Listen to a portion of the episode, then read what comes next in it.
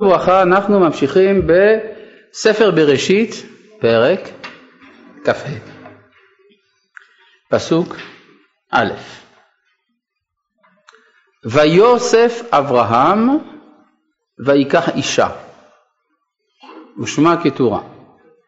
מה זה ויוסף? הוא הוסיף לקחת אישה. כי הרי הוא כבר לקח אישה, הלוא היא הגר, שהיא הייתה גם היא תוספת על שרה. אז ויוסף אברהם, שיש בו תוספת. המושג של תוספת הוא מושג של ייתור. כן, כל, ה... אה, כל יתר כנטול דמה. אז יש לנו כלל, ויוסף הוא מוסיף, זה סימן שזה דבר שהוא לא מהותי, לא עקרוני, אבל הוא עושה אותו בכל זאת. הוא מוסיף. והתוספת צריך להבין למה, מה קרה לו לאברהם שהוא החליט לקחת אישה. אז חז"ל אמרו שזה היה מתוך, זה דבר מאוד מאוד קשה מה שאומרים חז"ל, שהוא קינא ביצחק. יצחק התחתן, הוא אומר למה אני לא? מה אני נשאר לבד? מתחתן גם כן. כן, זה נשמע כזה, מה זה לא מתאים, קטנוני כזה, קנאה. כן, רוצה להתחתן, שיתחתן, שיצחק יתחתן, בבקשה, סחטן, מה, מה, מה הבעיה? אלא, הכוונה שמכיוון שיצחק יתחתן, אז אברהם יכול להתחתן. וזאת מדוע? משום שברגע שיצחק מתחתן, יש הבטחה להמשך הזהות של עם ישראל. כי הרי היה ספק לפני כן, האם מצליח השילוב בין מידת החסד של אברהם ומידת הדין של יצחק. והתברר בעקדה שאכן הדבר הזה הוא אפשרי, וילכו שניהם יחדיו, ומתוך וילכו שניהם יחדיו כתוב כי ארבע הרבה את זרעך, מי זה זרעך?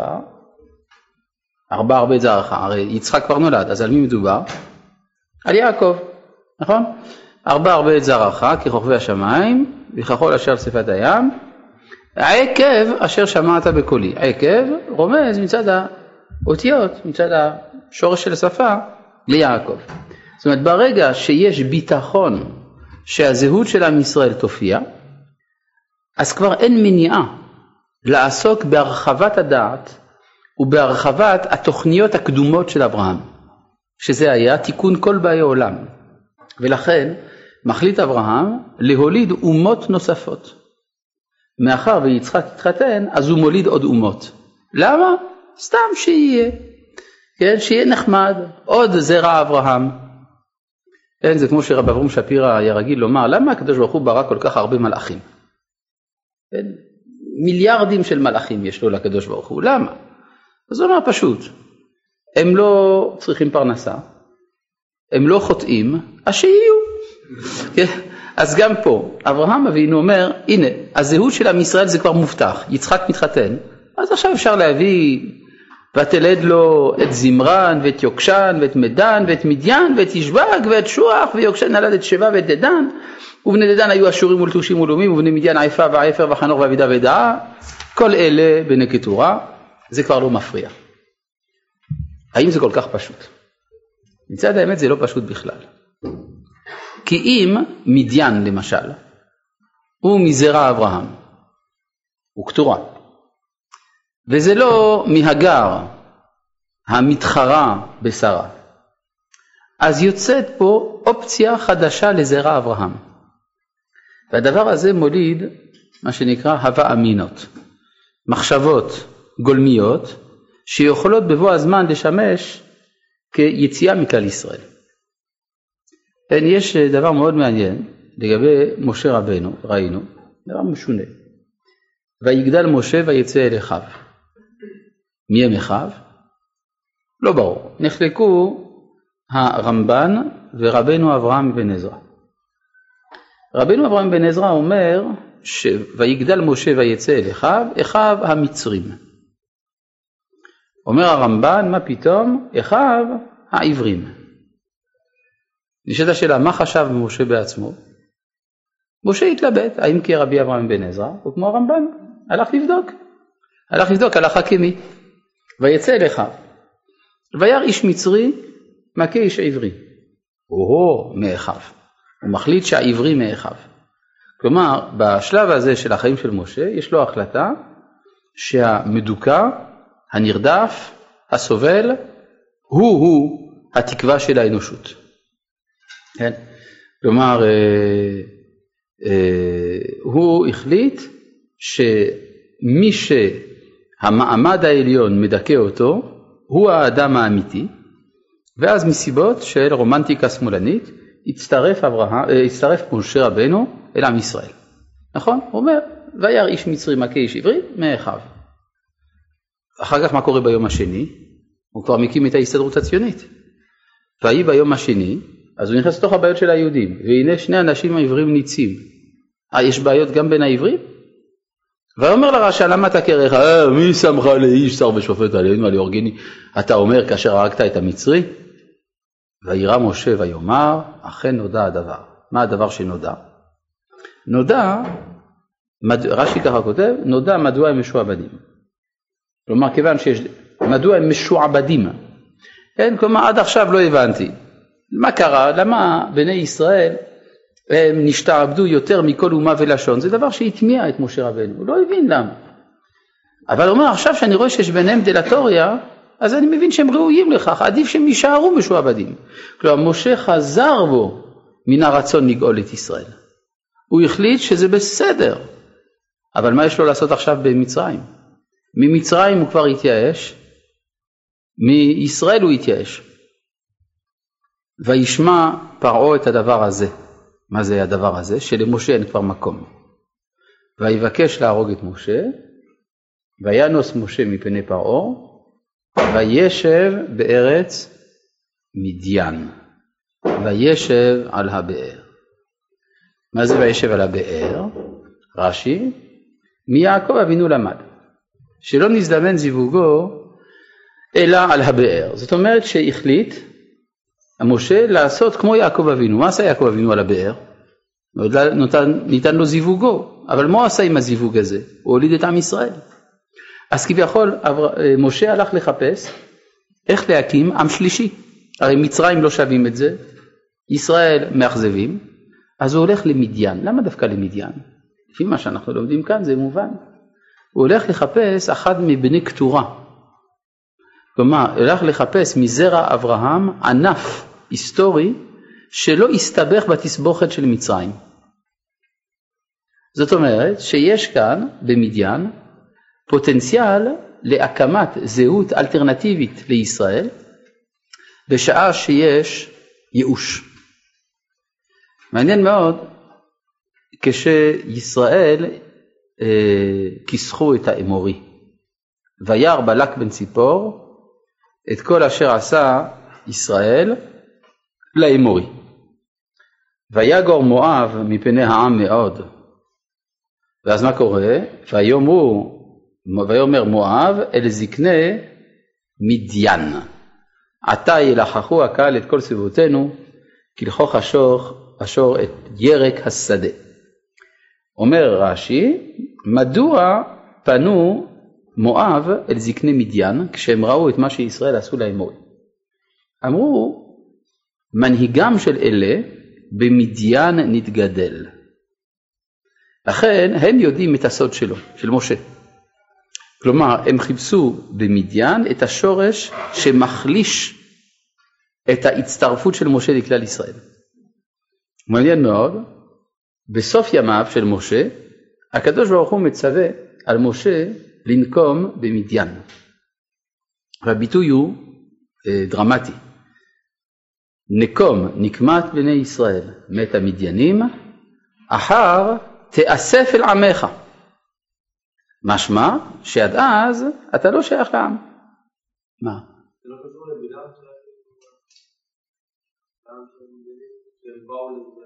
בלעם לא היה מדייני. כן.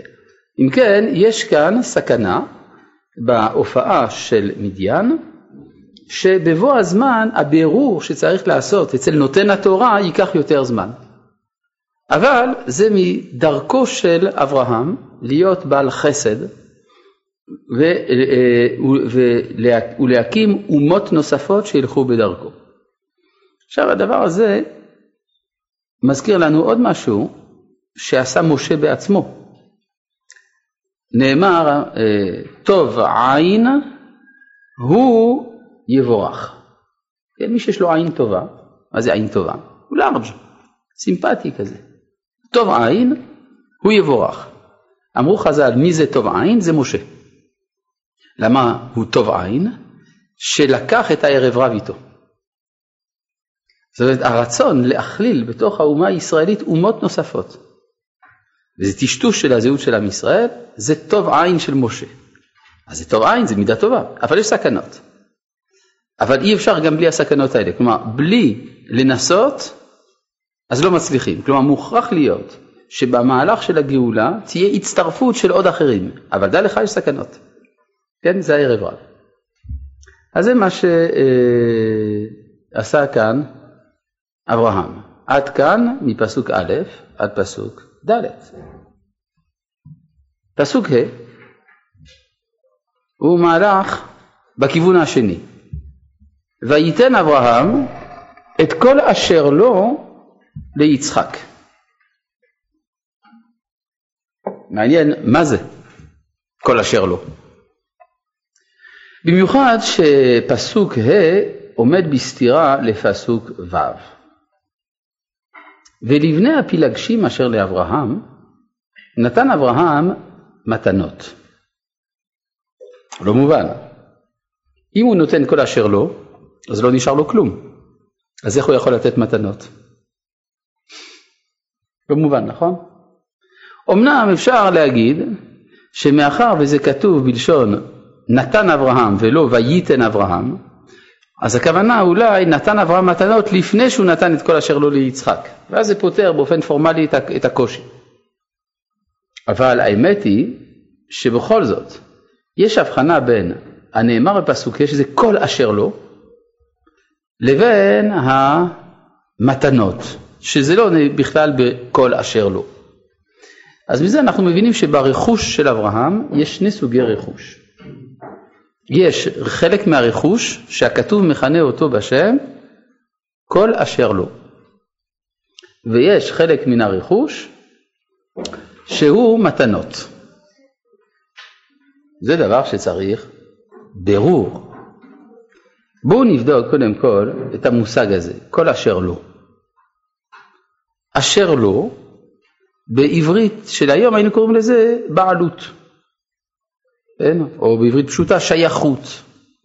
אתה אומר, חפץ פלוני הוא בבעלותי, הוא שייך לי.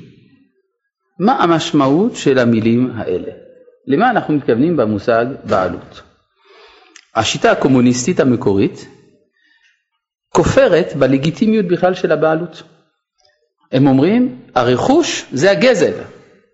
כן, כך אמר אחד ממייסדי השיטה המרקסיסטית, דווקא הוא לא היה, טוב, לא מרקסיסט, קומוניסטית נאמר, פרודון, הוא אמר שלפרופרייטה זה לוול, כלומר הבעלות זהו הגזל. אה, זה בערבית מה שאמרתי. אה, זה השפה שמדברים הערבים היום, לא? עכשיו, אז הוא אמר שהבעלות זה גזל. כי מה פתאום הרי הקדוש ברוך הוא, אפשר לומר, הוא הטבע, נתן את הכל בידי כל האנושות, מי נתן לך את הרשות יום אחד לגדור איזשהו שטח ולומר זה שלי? אתה בעצם גזלת מכל העולם כולו. אז אמנם אין הלכה כדבריו של אותו גוי, בגלל שהתורה הרי אסרה את הגזל, כן? כתוב אה, בתחילת ספר ויקרא, ויקרא אל משה וידבר השם אליו מאוהל מועד לאמור, אדם כי יקריב מכם. מה זה אמרו אדם? למה צריך לומר שמקריב הקורבן הוא אדם? כדי שנדע שהוא צריך להיות כמו האדם הראשון. שמה האדם הראשון? שלא הקריב מן הגזל, אף אתם אל תקריבו קורבן מן הגזל. מעניין, ההלכה הראשונה שבכל הלכות הקורבנות זה ההלכה הזאת, שאסור לקחת מן הגזל כדי שתהיה כמו האדם הראשון. זאת אומרת שהתורה מכירה בבעלות ברכוש כערך ראשוני בזהות האנושית. אבל זה לא תמיד, כלומר יש הבדל בין המשפט הכללי, המשפט הרומי, ואחר כך המשפט הבריטי וכולי, שהשתלשל ממנו, לבין משפט התורה, לגבי דיני בעלות. יש, אה, למשל, בהנחה של המשפט הכללי, ברגע שאני עשיתי את מה שצריך כדי שדבר יהיה שלי, הוא שלי לנצח. למשל, קניתי מצלמה. אז לפי המשפט הכללי, המצלמה הזאת היא שלי. שילמתי, לקחתי, זה נרשם בקופה הרושמת, זה שלי. עכשיו מישהו לקח את המצלמה הזאת, יצא איתה לחלל, בלי לשאול אותי. עכשיו החללית שלו התרסקה בשבתאי. זה, זה, מאו, זה מיליוני קילומטרים מפה. אין לי שום סיכוי אי פעם להגיע לזה. לפי המשפט הכללי המצלמה ממשיכה להיות שלי. מדוע? כי אני רכשתי אותה לפי כללי הרכוש. כן? זאת אומרת שהרכוש זה מושג מוחלט. לפי ההלכה זה לא כך. ההלכה אומרת שברגע שיש חפץ, אמנם רכשתי אותו בכוחי, אבל התייאשתי ממנו, מהאפשרות אי פעם להשתמש בו, זה כבר לא שלי. כלומר, כל זמן שיש לי איזושהי זיקה של שימוש פוטנציאלי בדבר, זה שלי, אם לא אז לא. למשל יש הלכה שה... אה, למשל, יש לי טבעת יקרה מאוד, נפלה לתוך האוקיינוס. אני אומר, אוי ואבוי, זה עלה לי הרבה מאוד כסף, לעולם לא אמצא את זה יותר. פתאום בא מישהו, צוללן, יורד לשם, מכשור מיוחד, מוצא את זה, מעלה את זה, מראה לי את זה. אומר, או, תודה רבה שהחזרת לי. מה פתאום, זה לא שלך. זה שלי, התייאשת. לפי ההלכה, הצוללן צודק. זה כבר לא שלי, כי הרי התייאשתי. זאת אומרת שהמושג של בעלות אומנם מוכר בהלכה, אבל יש לו גבולות. עכשיו צריך לברר אם כן, האם אפשר להגיד על משהו בכלל שהוא שייך לי לפי זה. כלומר, האם באופן אמיתי יש דבר שאני יכול לומר הוא שלי? למשל הרמב"ם בסוף מורה נבוכים אומר שהמושג של הבעלות הוא מושג דמיוני. אני אומר שדבר מסוים הוא שלי. מה זה משנה? זה שינה משהו בדבר? זה שינה משהו בך? שום דבר. אלא מה, יש לך יכולת להשתמש? גם אם היו משאילים לך את זה, יכולת להשתמש. זאת אומרת, בסופו של דבר, הרכוש הוא סוג של דמיון. לכן אומר הרמב"ם, אלה שמקדישים את חייהם להגדיל את רכושם, הם טיפשים, הם עושים כל הזמן בדמיון. זה לא שהרמב"ם אומר שרכוש זה שטויות, אבל לקחת את זה כמטרה זה לא, לא שווה. עכשיו בואו נחזור מכן לפסוק שלנו. ויתן אברהם את כל אשר לו. יש משהו של אברהם בכלל? באופן מוחלט יש משהו שהוא שייך לו? התשובה היא, כן. סליחה? ההשגחה זה לא שלו. הבטחה, הבטחה של מה? אבל הבטחה על מה? איזה הבטחה נתנו לו? אני שואל, מה, מה ההבטחה שנתנו לו? שמה? שמה הוא יקבל? את ארץ ישראל, יפה. זאת אומרת, הדבר היחיד שאפשר להגיד עליו שהוא שלי, זה מה שהקדוש ברוך הוא נותן לי. כי הקדוש ברוך הוא גם הבורא. אם החבר שלי נותן לי משהו, זה לא שלי באמת, זה שלי בינתיים. אבל דבר שהקדוש ברוך הוא, הוא הנותן אותו, הוא באמת שלי. ולכן, כיוון שזה שלי, אסור לי לתת את זה. הפוך מהתפיסה העממית, ההמונית. בדרך כלל בהמון חושבים ככה, אם משהו שלי אני יכול לעשות עם זה מה שאני רוצה. ההפך, כיוון שזה שלך, אסור לך לעשות מזה מה שאתה רוצה. זה שאתה יכול לתת משהו שקנית, כי זה באמת לא שלך. קנית, אתה יכול למכור. אבל אם הקדוש ברוך הוא נתן, אז זה כבר שלך, אז אסור לך לתת. לכן את ארץ ישראל למשל, אסור לתת. כמו כן גם, האדם איננו בעלים על גופו. כן? הנחת יסוד בדיני הפלה. כן? אוי, האישה היא בעלים על גופה. תשובה לא נכון, זה גזל. זה לא את שאת בעלים על גופך. הקדוש ברוך הוא, הוא נתן לך את הגוף, לכן את לא בעלים עליה. גם לא בעלות. זאת אומרת, אה, ולכן גם אדם לא יכול לחבול בעצמו וכדומה. כן, אז זה מה שנאמר כאן, וייתן אברהם את כל אשר לו ליצחק. אז בעצם מה הוא נתן לו? לפי זה מובן. הוא נתן לו את ארץ ישראל. ולבני הפילגשים אשר לאברהם נתן אברהם מתנות, כל השאר זה לא שלו באמת. הוא לא נתן מתנות אשר לו, הוא נתן מתנות. זה הרכוש שעבר דרך אברהם, את זה הוא נתן לבני הפילגשים. וישלכם, מה? וישלכם מעל יצחק בנו בעודנו חי, קדמה אל ארץ קדם. אז אם כן יש פה החלטה של אברהם שהוא מחלק את המורשה שלו, את הרכוש שלו, בשני חלקים, לא יודע אם לא שווים, אבל לא דומים. יצחק מקבל סוג מסוים של רכוש, זה הרכוש אשר לו, דהיינו ארץ ישראל, ואילו בני הפילגשים מקבלים סוג אחר של רכוש, וזה נקרא מתנות. השאלה היא באמת, למה? התשובה היא שכנראה יש שני סוגי משימות אה, למורשתו של אברהם. כן, תסתכלו לרגע אחד, אני קצת אה, מציע לדלג קצת לפסוק י"ב.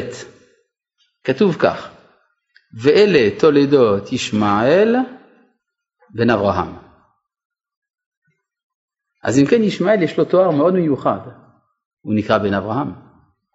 לפי מה שלמדנו בפרשות הקודמות, ישמעאל נקרא הנער, בן האמה, ופתאום הוא מקבל שם מכובד מאוד, נקרא בן אברהם. וגם בפרשת תולדות, אם תסתכלו בפסוק י"ט, בפרק כ"ה פסוק י"ט, ואלה תולדות יצחק בן אברהם. ממש מספר פסוקים מבדילים בין שני הביטויים, ישמעאל הוא בן אברהם ויצחק הוא בן אברהם. הכיצד? כן, אלא, והדבר הזה מעורר שאלה, כלומר, אם באמת הכתוב מכנה את ישמעאל בן אברהם, אז זה אומר שהוא באמת בן של אברהם, זאת אומרת שיש לו משהו בייעוד שלו שמבטא את משנתו של אברהם. ואז ממילא נשאלת השאלה, למה הקדוש ברוך הוא נתן את הארץ לאברהם? כי הוא כנראה זקוק לארץ הזאת כדי למלא את המשימה שלו. אם הוא זקוק לארץ הזאת כדי למלא את המשימה שלו, אז זה אומר שהארץ שייכת גם לישמעאל וגם ליצחק. זה מפורש? לא. זה מפורש במסכת סנהדרין. מעשה שבאו בני ישמעאל ובני קטורה. לדון עם ישראל בפני אלכסנדר מוקדון. מה זה הסיפור הזה? אלכסנדר היה אדם מיוחד מאוד, הוא הראשון שאיחד את העולם, את המזרח ואת המערב, באימפריה אחת. בעצם אפשר לומר, הוא מהווה כמין שלטון על, ביוונית קוראים לזה הגמוניה, הוא מהווה שלטון על של כל התרבויות, של כל העמים. ואז עלה הרעיון לראשונה, שצריכה לקום איזו אינסטנציה משפטית, שתוכל לדון בסכסוכים ישנים בלתי פתורים. ואז בפני אותה אינסטנציה יביאו לדיון את הוויכוחים.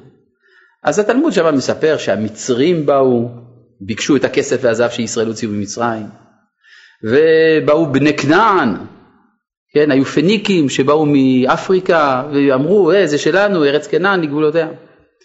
אחר כך התלמוד מספר מעשה בבני ישמעאל ובני קטורה, שבאו לדון עם ישראל בפני אלכסנדר מוקדון, ואמרו, ארץ ישראל, מה הם אמרו?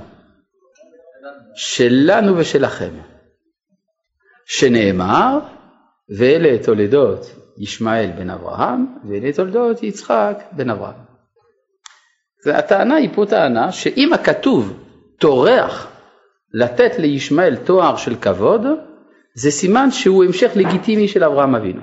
ואם הוא המשך לגיטימי של אברהם אבינו, הוא זקוק לאותם כלים שניתנו ליצחק, דהיינו ארץ ישראל. ולכן ארץ ישראל שלנו ושלכם. צריך מדינה דו-לאומית. כן? עכשיו, התלמוד מספר שאמר להם גביהה בן פסיסה לחכמים. מי זה גביהה בן פסיסה? היה חכם גיבן, עם גיבנת. מה זה חשוב לדעת שהייתה לו גיבנת? כי אז הוא בעל מום. בעל מום לא יכול לשבת בסנהדרין. מאחר והוא לא יכול לשבת בסנהדרין, הוא לא נציג רשמי של היהדות. כיוון שהוא לא נציג רשמי של היהדות, אין סיכון שהוא ילך. אמר להם גביע בן החכמים, תנו לי רשות ואלך ואדון עמהם. לפני אלכסנדר. אם אני אנצח אותם, אמרו תורת משה רבנו ניצחתכם. ואם הם ינצחו אותי, תאמרו הדיוט שבנו ניצחתם. מה, איזה אחד גיבן שהוא לא בסנהדרין? אז אין, אין סיכון. נתנו לו רשות והלך ודאי עמהם. סימן שאגב שכשבאים לוויכוחים בינלאומיים, אז צריך לעבור קודם כל מתוך רשות של החכמים. שתיים, לא לקחת סיכונים. שזה, ש, שזה יהיה בכל מקרה ווין ווין. נתנו לו רשות. אמר להם, מהיכן אתם מביאים ראייה? אמרו לו, מן התורה. זו תשובה מאוד מוזרה. אמרו לו מן התורה. כל פעם שיש טענות נגד מדינת ישראל באיזושהי אינסטנציה בינלאומית, הראיות המובאות הן תמיד ממסמכים פנימיים של מדינת ישראל. למשל באחת הוועדות של האו"ם, מדינות ערב טענו שהר הבית איננו שייך למדינת ישראל, או איננו שייך ליהודים, על פי שורה של מסמכים ישראלים, ששנה אחרי שנה מודיעים שזה שייך לוואקף. כן? אז מהיכן אתם מביאים ראייה? מהתורה, מהתורה שלכם. אמר להם, אף אני לא אביא לכם ראייה אלא מן התורה. איזה פסוק הביא להם? ולבני הפילגשים אשר לאברהם, הנה הפסוק שלנו. נתן אברהם מתנות וישלחם היצחק בנו בעודנו חי קדמה אל ארץ קדם. אמר להם, אב שנתן לגתין לבניו בחייו. מה זה לגתין? צוואה, כן? זה בלטינית, לגטום. כן? לגטום, בלטינית. אב שנתן לגתין לבניו בחייו. ושיגר זה מעל זה, כלום יש לזה על זה כלום. עד כאן הדיון. אגב, מעניין מאוד שהדיון שמה מסתיים. בעוד שבוויכוח עם המצרים ועם הכנענים יש המשך שמה לסיפור, עם בני ישמעאל ובני קטורה אין המשך בדיון. מסיבה פשוטה, ישמעאל איננו יכול להכיר בלגיטימיות של יצחק, לא יכול לדבר, לכן הוא הולך. עכשיו, כי לגבי המצרים ולגבי הכנענים כתוב שאלכסנדר אמר להם החזירו לו תשובה. ואילו כאן הם לא רוצים להחזיר תשובה, כי זה יהיה הכרה בקיום בכלל של יצחק. והם רוצים שאם כבר פתרון יבוא, שהפתרון ייכפה על ידי הקהילייה הבינלאומית, אבל לא על ידי הכרה, לא על ידי יוזמה של יצחק. מעניין, יש לי הרגשה של דז'ה וו באיזשהו מקום. עכשיו, אה, מה שמעניין אז בכל זאת חוזרת השאלה, בסדר, אז אברהם חילק, אבל למה הוא חילק כך? אם אני הייתי אברהם, אני לא חכם כמוהו, אז הייתי עושה ככה, ליצחק הייתי נותן חצי ארץ ישראל, ולבני הפילגשים חצי ארץ ישראל. ליצחק חצי מהמתנות, ולבני הפילגשים חצי מהמתנות. ואילו אברהם החליט לחלק את זה אחרת, ארץ ישראל ומתנות. צריכה להיות איזושהי סיבה לדבר.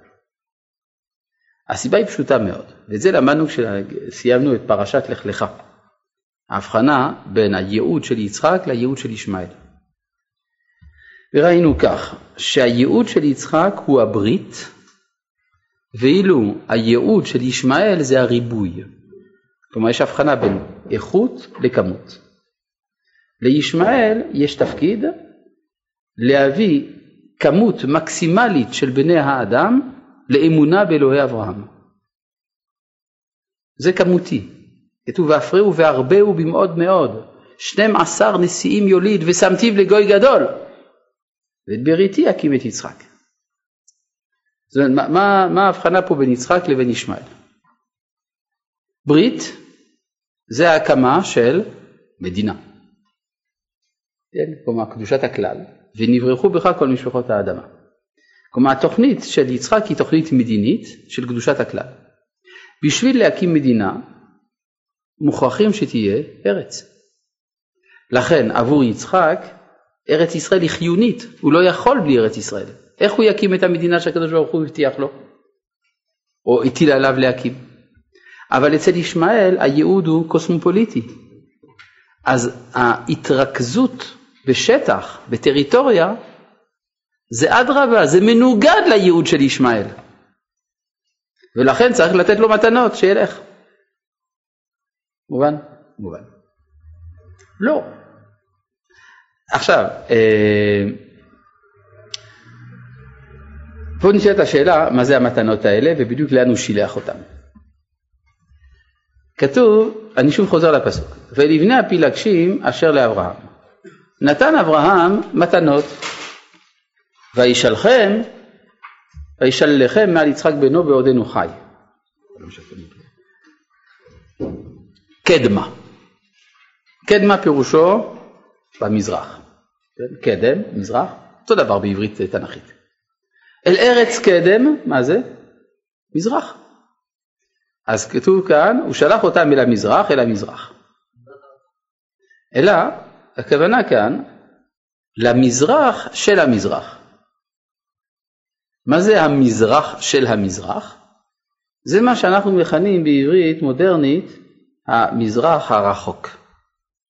כלומר, כאן נאמר שיש השפעה של אברהם אבינו על המזרח הרחוק. מעניין באמת שבמזרח הרחוק החליטו ההודים לכנות את בורא העולם בשמו של אברהם. נכון? ברהמה, שמעתם על זה.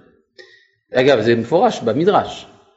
אה, אלה תולדות השמיים והארץ בהי ברעם, אל תקרא בהי ברעם אלא באברהם, שבשביל אברהם נברא העולם. עכשיו, כשיהודי קורא את זה, הוא יודע מה המשמעות. בשביל אברהם נברא העולם. כשעובד עבודה זרה שומע את זה, איך הוא מבין? אברהם ברא את העולם. כי אם בשבילו נברא העולם, אז הוא ברא את העולם. לכן ברהמה זה בורא העולם. ברור? זאת אומרת, יש איזה מין השפעה רחוקה של תורת אברהם אל המקומות האלה. טוב, זה מאוד מעניין לראות את זה, אבל השאלה היא מה המשמעות. מה זה התורה הזאת של בני קדם? בספר הזוהר מסופר על רבי אבא, שרבי אבא בא לרבי שמעון בר יוחאי ואמר לו, הלכתי לשמוע את דבריהם של אילן דמתקריין בני קדם, אלה הנקראים בני קדם. הנה זה אלה שבפרשה שלנו. והם אמרו דברים נפלאים, ואז הוא מספר לרבי שמעון בר יוחאי מה הם אומרים. אומרים ככה, אומרים ככה וככה וככה.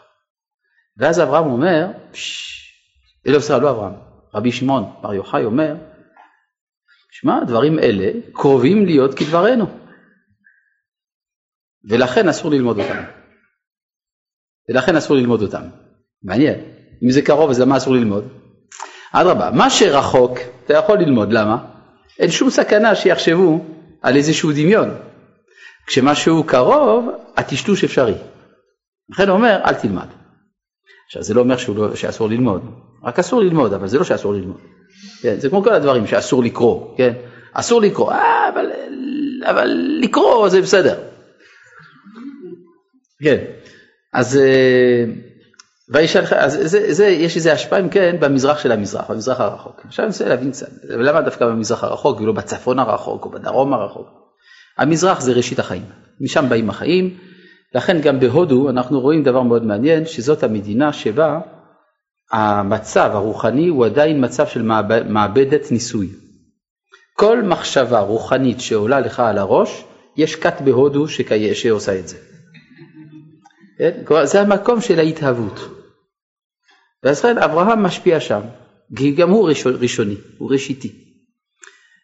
עכשיו, אבל מה הוא לימד אותם? הגמרא שמה שואלת, מהי מתנות?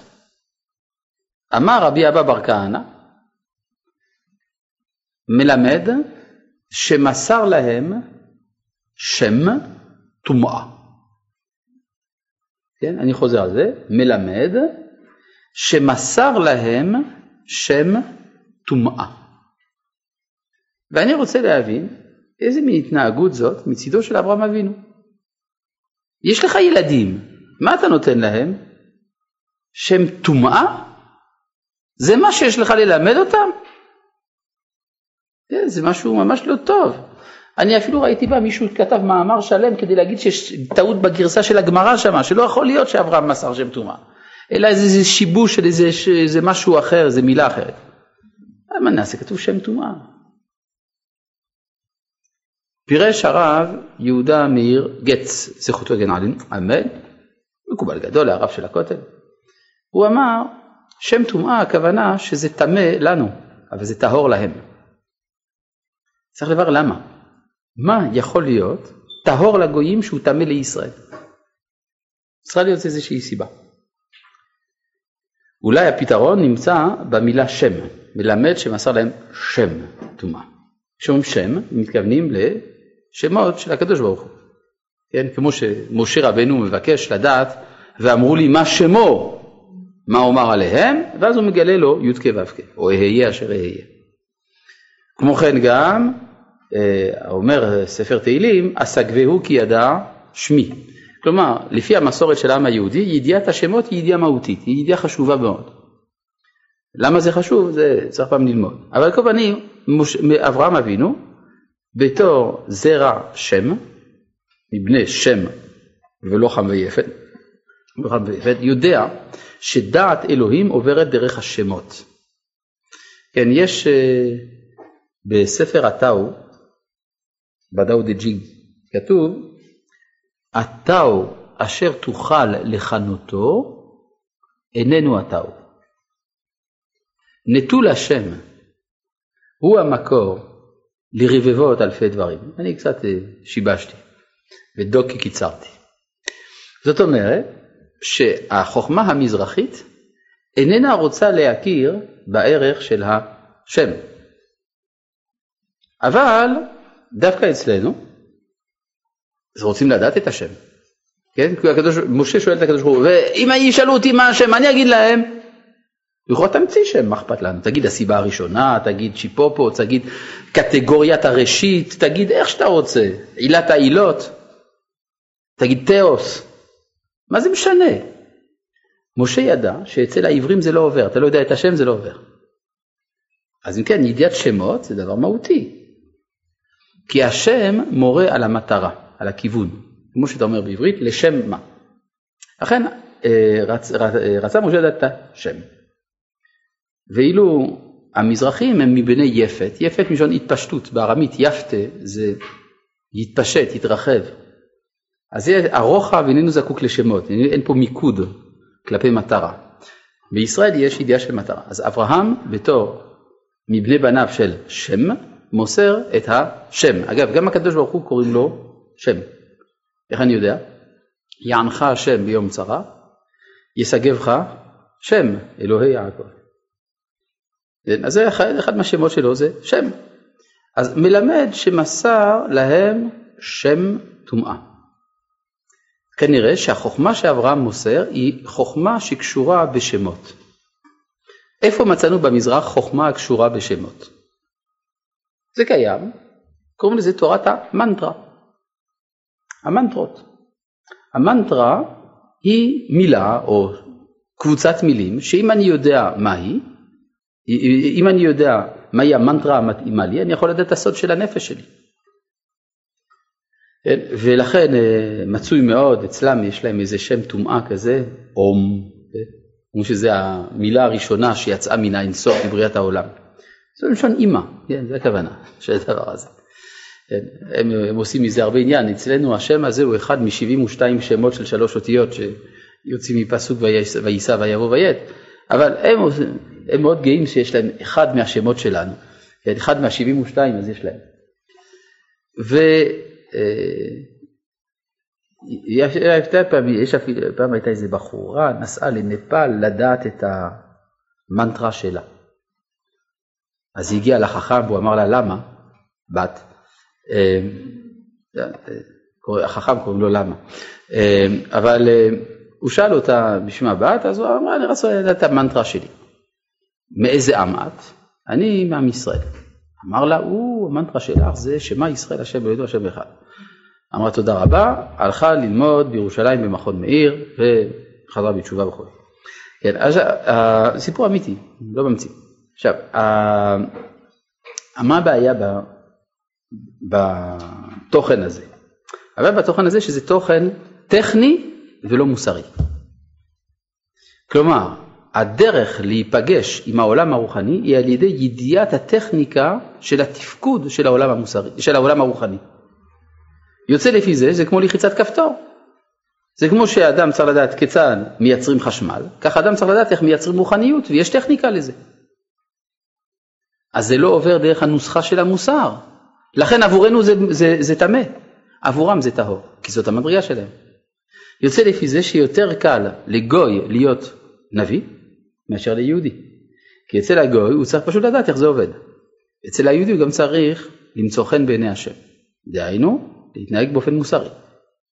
לכן אברהם מסר להם את השם הזה, מסר להם שם טומאה, הם צריכים את זה, כי זה מה שמרומם אותם. עבורנו, וישלחם. זה לא בכלל. ברור? לא, אז יש הרבה נבואה אצל הגויים, אבל נבואה שלהם, לא נבואה שלנו. כלומר, זה לא נבואה במובן המוסרי, זה נבואה של אה, הערה, אם קוראים לזה. אצלנו יש שמיעה, אצלם יש הערה.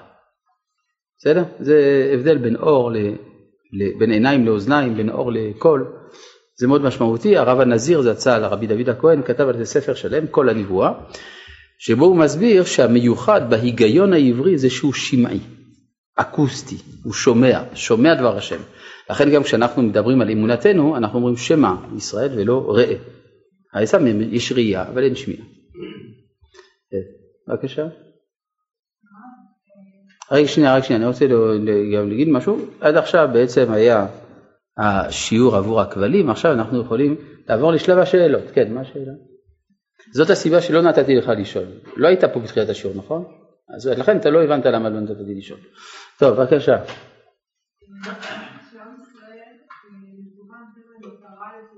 כן. נכון. מספר מטרות או היעדר מטרה זה בדיוק אותו הדבר. ברגע שאני עם שתי מטרות אין לי מטרה. אה, זה כמו אותו הסיפור אה, במיתולוגיה היוונית על אותו חמור, החמור של בורידן שמת ברעב כי נתנו לו שתי ערימות של שחת. ואז הוא לא ידע מה לאכול.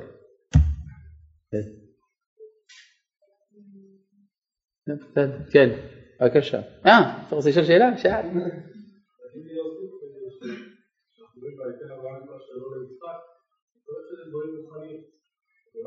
תמיד אתה גם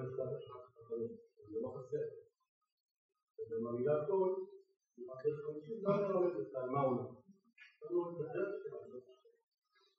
זה ממש הפוך ממה שאני אמרתי. לא, זה ממש לא. כי אני אמרתי שכל אשר לא זה ארץ ישראל. ואתה אומר זה דברים רוחניים. ארץ ישראל זה לא דבר רוחני, ארץ ישראל זה ממש זה אדמה, זה רגבים, זה מעיינות, זה ארץ ישראל. זה יכול להיות, זה הכלי הנכון, בסדר, אבל, אבל זה ארץ ישראל, כל אשר לא.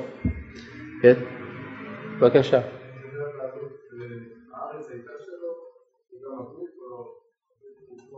כן, הגוף והארץ אותו דבר.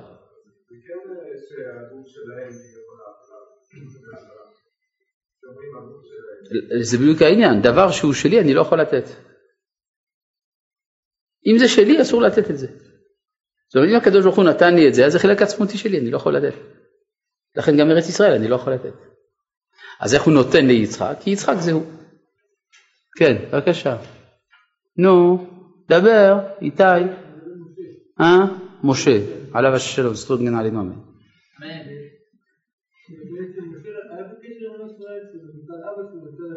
נכון, נכון, ודאי, נו. כי הוא רואה ש... ויאמר לרש... הוא רואה שיש ביניהם דלטוריה, לכן ראויים לשעבוד. ברגע שהוא רואה שהם ראויים לשעבוד, אז למה יש משוא פנים למעלה? תשובה, הוא לא יודע, שהוא מעריך שהמצב שלהם הוא כזה שקשה יהיה להם לעשות תשובה, או שאולי לא, לא מסוגלים לעשות תשובה. מה ש? אז אולי לא בדור הזה, בעוד שלושים דורות.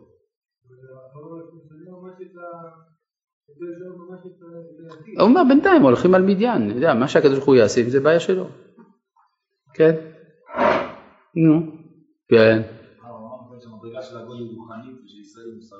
נכון. טכנית ומוסרית. כן.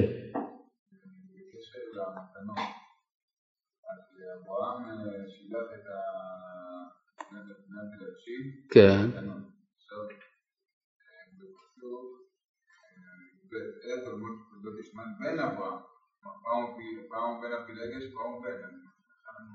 זאת אומרת, יש בני הפילגשים ויש ישמעאל ויש יצחק. נכון? ישמעאל הוא גם בן, גם בן פילגש, במובן הזה, ביחס ליצחק הוא בן פילגש, ביחס לבני הפילגשים הוא בן. אה, כי הגר מה הייתה? נכון. זאת אומרת שביחס לבני הפילגשים האחרים יש לו מעלה. ולכן במזרח הרחוק הם כל כך מפחדים מן האסלאם. לכן במזרח הרחוק, מדינות המזרח הרחוק כל כך מפחדות מן האסלאם. מה ישמעאל קיבל? את הייעוד להפיץ את תורת אברהם בין האומות. כן, הוא צריך לקחת כמה שיותר אנשים ולעשות אותם זרע אברהם. כלומר, מאמיני אלוהי אברהם. כן.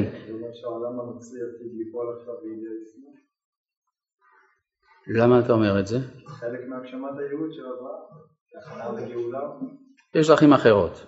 העולם הנוצרי זה עשיו. לעשיו יש מערכת יחסים מיוחדת איתנו.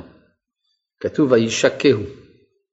וישקהו אומר רש"י, אמר רבי שמעון בר יוחאי, בהלכה בידוע שעשיו שונא ליעקב, אלא שבאותה שעה נחמרו רחמיו על אחיו ונשקו בכל ליבו. אם כן רבי שמעון בר יוחאי רואה אפשרות של התנשקות, של חיבוק בין, יצחק, בין, בין עשיו לבין יעקב, זה עולם אחר. ויש שם תאומים, אז יש הגנה. בבקשה. אתה מציג את ישמעאל ונגר ואת בני כתובה כתור ישויות לאומיות שונות. אבל אם אני אלך לפי רש"י, מצטט. הרי כתורה והגר מבחינתו זה אותה אחת. נכון. זה בני אותה אם. נכון. כשרש"י אומר שכתורה זה הגר, זה לא שכתורה זו הגר, כי כתורה זו כתורה.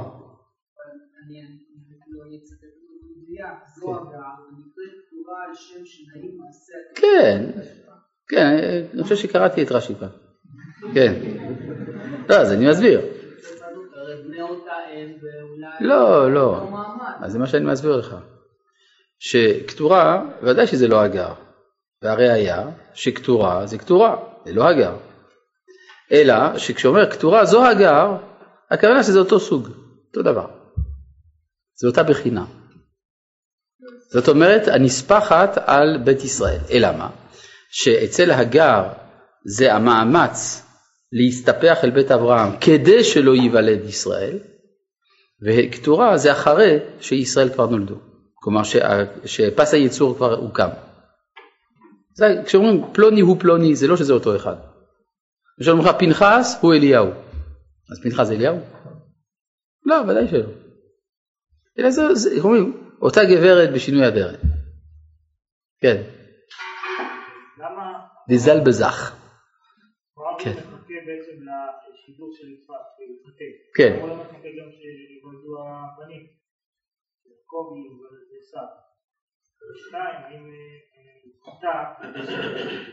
אתה שואל כבר, מדוע אברהם לא חיכה שיוולדו יעקב ועשיו? מי אמר לך שהוא לא חיכה? לא כתוב. לא כתוב. זה שזה לא... אה, לא כתוב. לא כתוב מתי זה היה. ב' הוא כבר סומך על יצחק ורבקה, מהשם יצא דבר, ברור שזה יצא נכון. ג' האם הוא חטא? לא נראה לי. כן.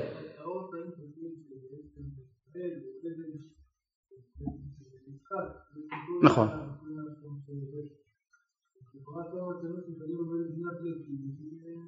נכון, נכון, נכון. כן.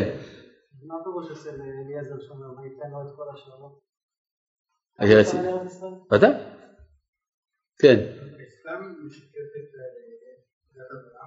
כן. כן, כן. כן, כן, ודאי. זה, זה פרטים, אני מדבר מבחינת האינטואיציה הבסיסית. האסלאם מבטא את אמונת הייחוד שהייתה לאברהם לפני ההתגלות. כן? לכן אסלאם מאברהם מהווה איזה מין אב טיפוס של מוחמד. זה לא שהם צודקים, אבל מה? כן, אברהם עצמו, כן, הם, הם אומרים אפילו, דבר מעניין בחדית', הם אומרים שהפנים של מוחמד היו כפנים של אברהם. מה? אני לא זוכר מי מהם, אבל אחד מהם, כן. בוכרי, כן, בוכרי, כן, מה אתה? כן, יכול להיות, כן. אבל זה לא משנה, העיקר שהמדרש רואה את זה כך. כן.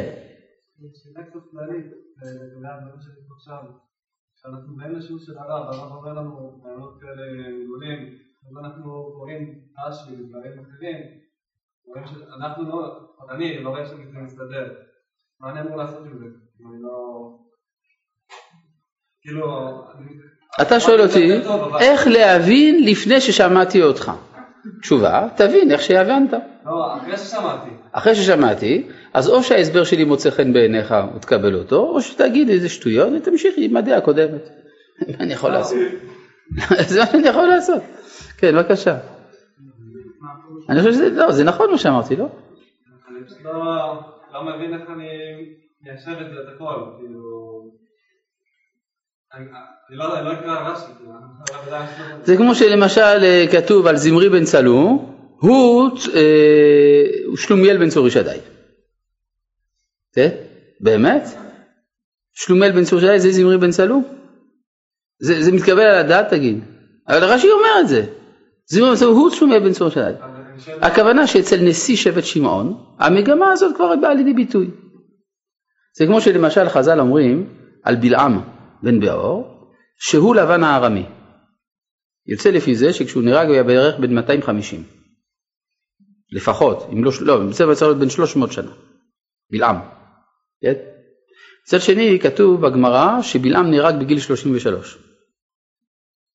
אז איך אפשר להגיד שבלעם הוא לבן הארמי? אלא הכוונה זה אותו עניין, אותה נשמה, זה גלגול יכול להיות, מה שאתה רוצה. בסדר? בבקשה. דיאטיקי. איפה ראית את זה? את המילה דיאטיקי? כן, או דייטיקי, כן. דיאטיקי זה, זה צבא, יבוניס. כן, בבקשה.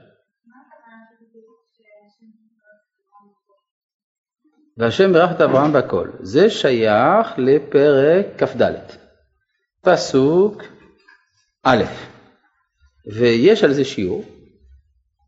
נו, אז מה, אז למה? מה זה? לא כתוב את כל אשר לא. כתוב ברך את אברהם והכל. לא כתוב שאשר לא, לא אין שם ביטוי של בעלות. כן. כן. כן, אה, יש לך שאלה. יפה. יש איזה מדרש שעתיד לבוא שעם ישראל יחזור לארץ, כן, נכון, יש... אה,